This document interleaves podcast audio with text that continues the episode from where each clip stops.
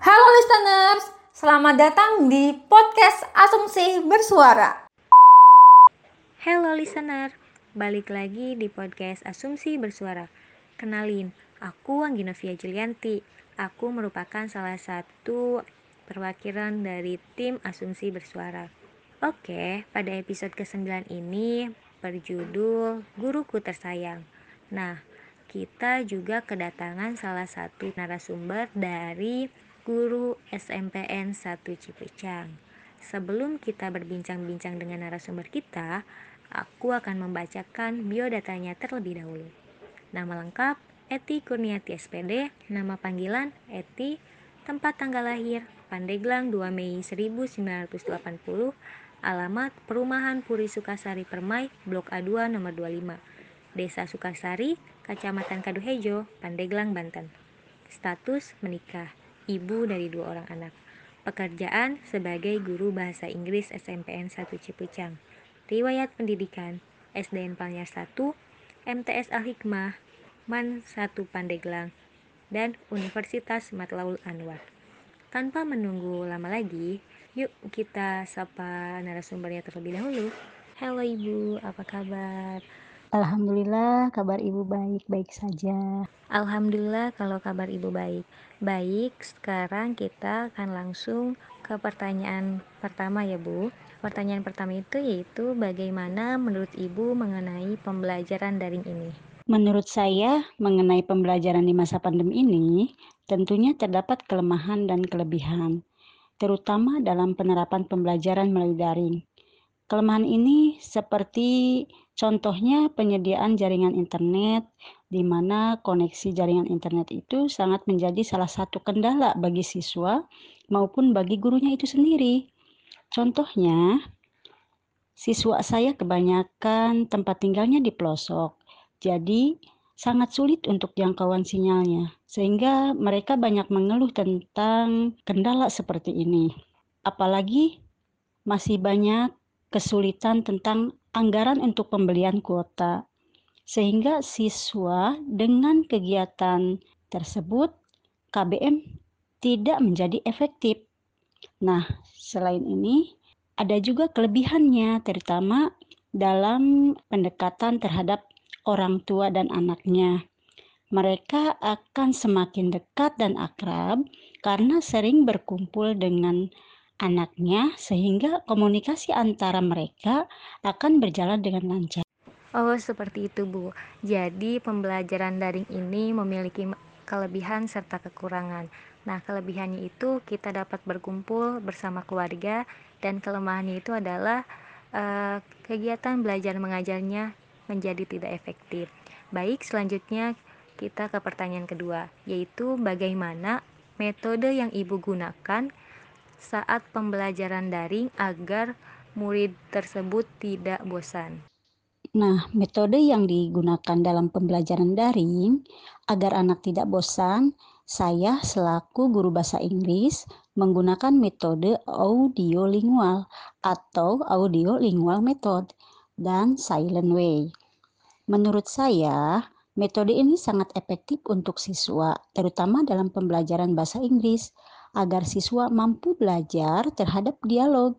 Sedangkan metode silent way merupakan metode di mana siswa dapat mendeteksi kata-kata yang sulit dalam pembelajaran bahasa Inggris, terutama dari kesalahan-kesalahan kata-katanya atau kalimat-kalimatnya dalam pelajaran bahasa Inggris. Begitu. Oh, seperti itu, Bu. Baik, Bu. Sekarang kita ke pertanyaan ketiga. Nah, pertanyaan ketiga ini yaitu dalam pembelajaran daring ini kan pasti ada kendala. Nah, salah satu kendalanya itu adalah muridnya itu tidak mempunyai handphone atau uh, susah sinyal karena kan sudah Ibu jelaskan tadi bahwa murid-murid Ibu itu rata-rata uh, bertempat tinggal di daerah pelosok. Nah, solusi apakah yang Ibu berikan untuk murid-murid yang memiliki kendala tersebut, Bu? Nah, untuk mensiasati mereka yang tidak mempunyai HP atau mempunyai kendala lainnya sehingga mereka tidak bisa mengikuti pelajaran secara daring, uh, saya mempunyai solusi bahwa mereka yang tidak mempunyai HP dan tidak mempunyai kuota disuruh bergabung bersama-sama temannya uh, sehingga mereka bisa mengikuti pembelajaran uh, dalam kondisi seperti ini. Jadi mereka yang kesulitan itu uh, menjadi mudah dengan cara sharing dengan temannya dan solusi ini merupakan solusi yang saya ambil uh, agar mensiasati kendala-kendala yang muncul pada saat uh, mereka kesulitan dalam belajar. Ada lagi solusi uh, bagaimana cara mereka mengerjakan tugas-tugas bagi mereka yang sulit terhadap uh, pembelajaran daring atau pembelajaran online. Jadi mereka bergabung dengan teman-teman yang mempunyai HP, mereka disuruh e, mengerjakan tugas-tugas mereka dengan cara mencatat atau mengerjakannya secara offline diserahkan ke sekolah. Oh, jadi e, solusi untuk murid-murid yang memiliki kendala itu yaitu seperti diberikan tugas ataupun e, yang tidak mempunyai HP atau tidak memiliki kuota uh, belajar bergabung bersama temannya. Nah, hal hal-hal apa aja sih Bu yang ditunjukkan oleh uh, siswa ibu kepada ibu untuk menunjukkan kasih sayang mereka terhadap ibu? Biasanya mereka menunjukkan bentuk kasih sayang kepada saya yaitu dengan cara menyapa dan menanyakan kabar saya.